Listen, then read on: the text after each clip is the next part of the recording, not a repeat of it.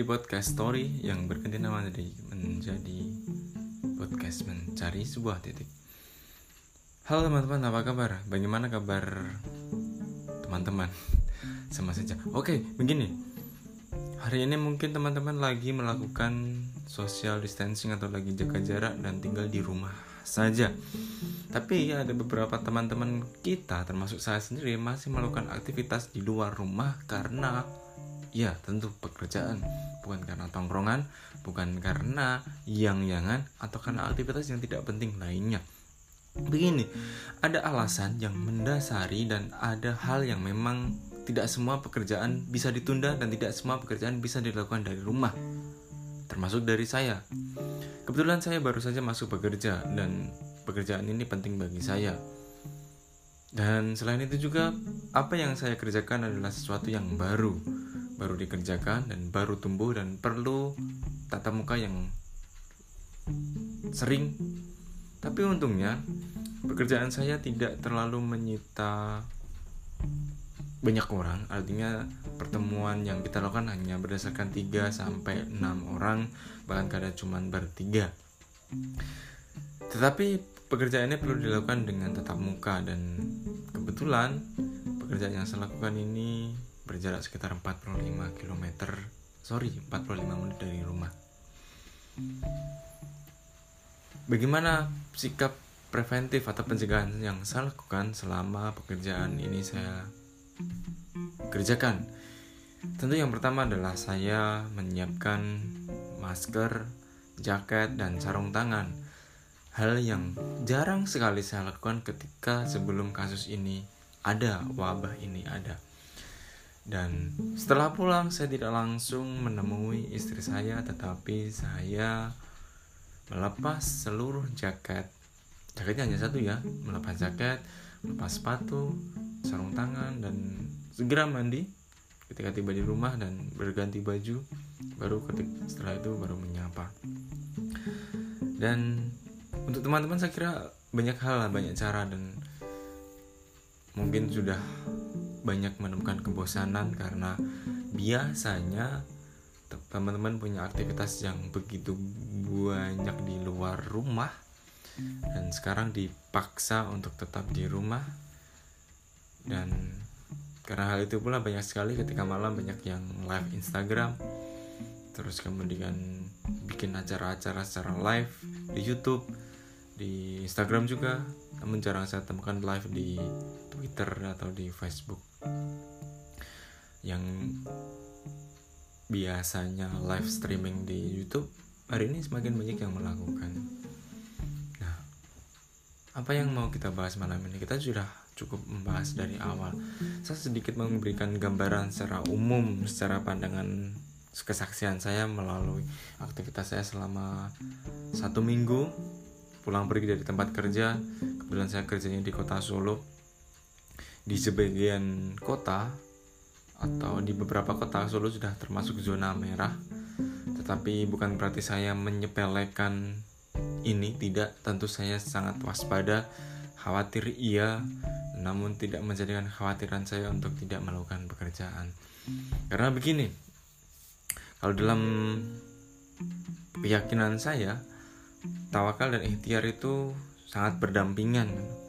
Ketika kita ketika saya bertawakal tawakal menurut saya itu ya ketika sudah berusaha sudah melakukan pencegahan dan bekerja ini adalah bentuk dari tawakal saya bekerja dari lu, di luar rumah tidak di dalam rumah.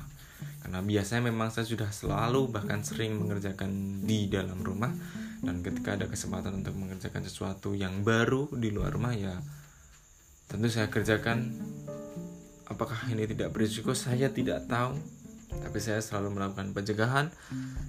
Saya berupaya sedemikian rupa. Dan saya selalu berdoa.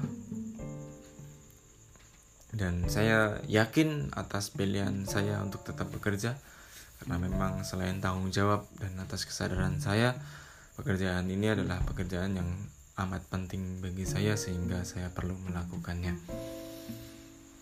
Teman-teman yang sekolah tentu diliburkan, yang kuliah juga diliburkan, dan sebagian para pekerja juga diliburkan dengan alasan dengan tujuan pertama adalah untuk menghindari keremu, kerumunan atau keramaian dan tujuannya adalah untuk menghindari penyebaran virus. Berat mungkin berat untuk sebagian orang tapi sebagian tentu kalau dibikin celetukan lawang biasanya kita juga leyeh-leyeh di rumah. Kenapa? Ketika ada himbauan untuk melakukan jaga jarak dan di rumah saja kita seolah-olah berlomba-lomba untuk menunjukkan eksistensi kita di luar rumah. Bahkan biasanya ya padahal sebagian orang hanya menganggur. Tentu ini adalah sebuah pilihan yang perlu perlu kedewasaan untuk menyikapinya pilihan yang perlu kehati-hatian untuk mengambil sikapnya, untuk mengambil tindakannya, tidak gegabah dan tidak sembrono tentu. Mungkin ego kita pengen banget untuk segera nongkrong, main PS, ke warnet, ke mall, nonton bioskop atau tempat wisata lainnya. Tetapi ada nurani, sebagian nurani dari kita juga mengatakan tahan dulu di rumah dulu dan sabar dan seterusnya. Hal-hal yang intinya menguatkan atau men meyakinkan diri kita bahwa kita bakal berhasil melewati fase ini. Dan tidak tidak semua orang bisa untuk tetap tinggal di rumah karena itu tadi. Karena ada sebagian orang yang hanya bisa menghasilkan ketika dia keluar dari rumah. Dan ketika dia tetap tinggal di rumah maka ada hal-hal yang lebih menakutkan yang lebih mengkhawatirkan dari apa yang dikhawatirkan di dalam pikirannya. Karena prinsipnya tentu hal ini tidak bisa kita selewengkan hal ini tidak bisa kita remehkan. Kita tetap perlu berhati-hati kita tetap perlu berwaspada dan kita tetap perlu menjaga diri dengan hal-hal yang memang menurut kita itu perlu untuk kita lakukan. Yang penting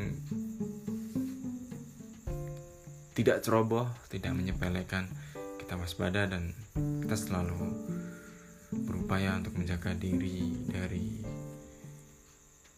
pikiran-pikiran yang mendemotivasi pikiran-pikiran yang menakutkan.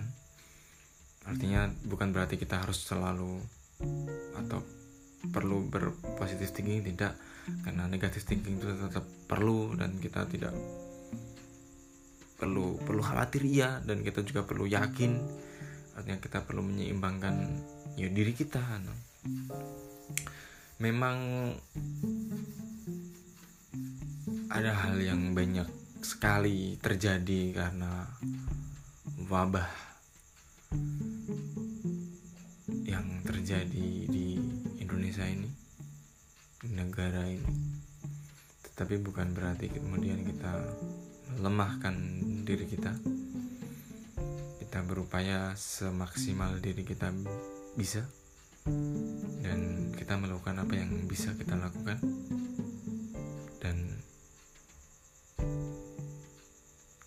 kita berjuang dengan cara kita masing-masing. Saya percaya bahwasanya teman-teman punya keyakinan dan saya juga punya keyakinan entah apa pun bentuk keyakinannya. Dan keyakinan itulah yang sekarang mendasari apa pun dari kegiatan kita saat ini. Bahkan besok ataupun lusa. Sampai keyakinan itu bakal berubah. Sampai keyakinan itu bakal berganti.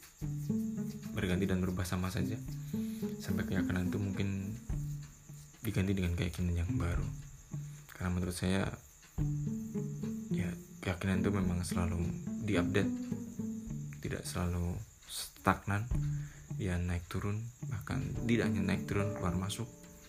Tapi ada satu keyakinan yang memang mungkin tidak bisa digoyahkan yaitu keyakinan tentang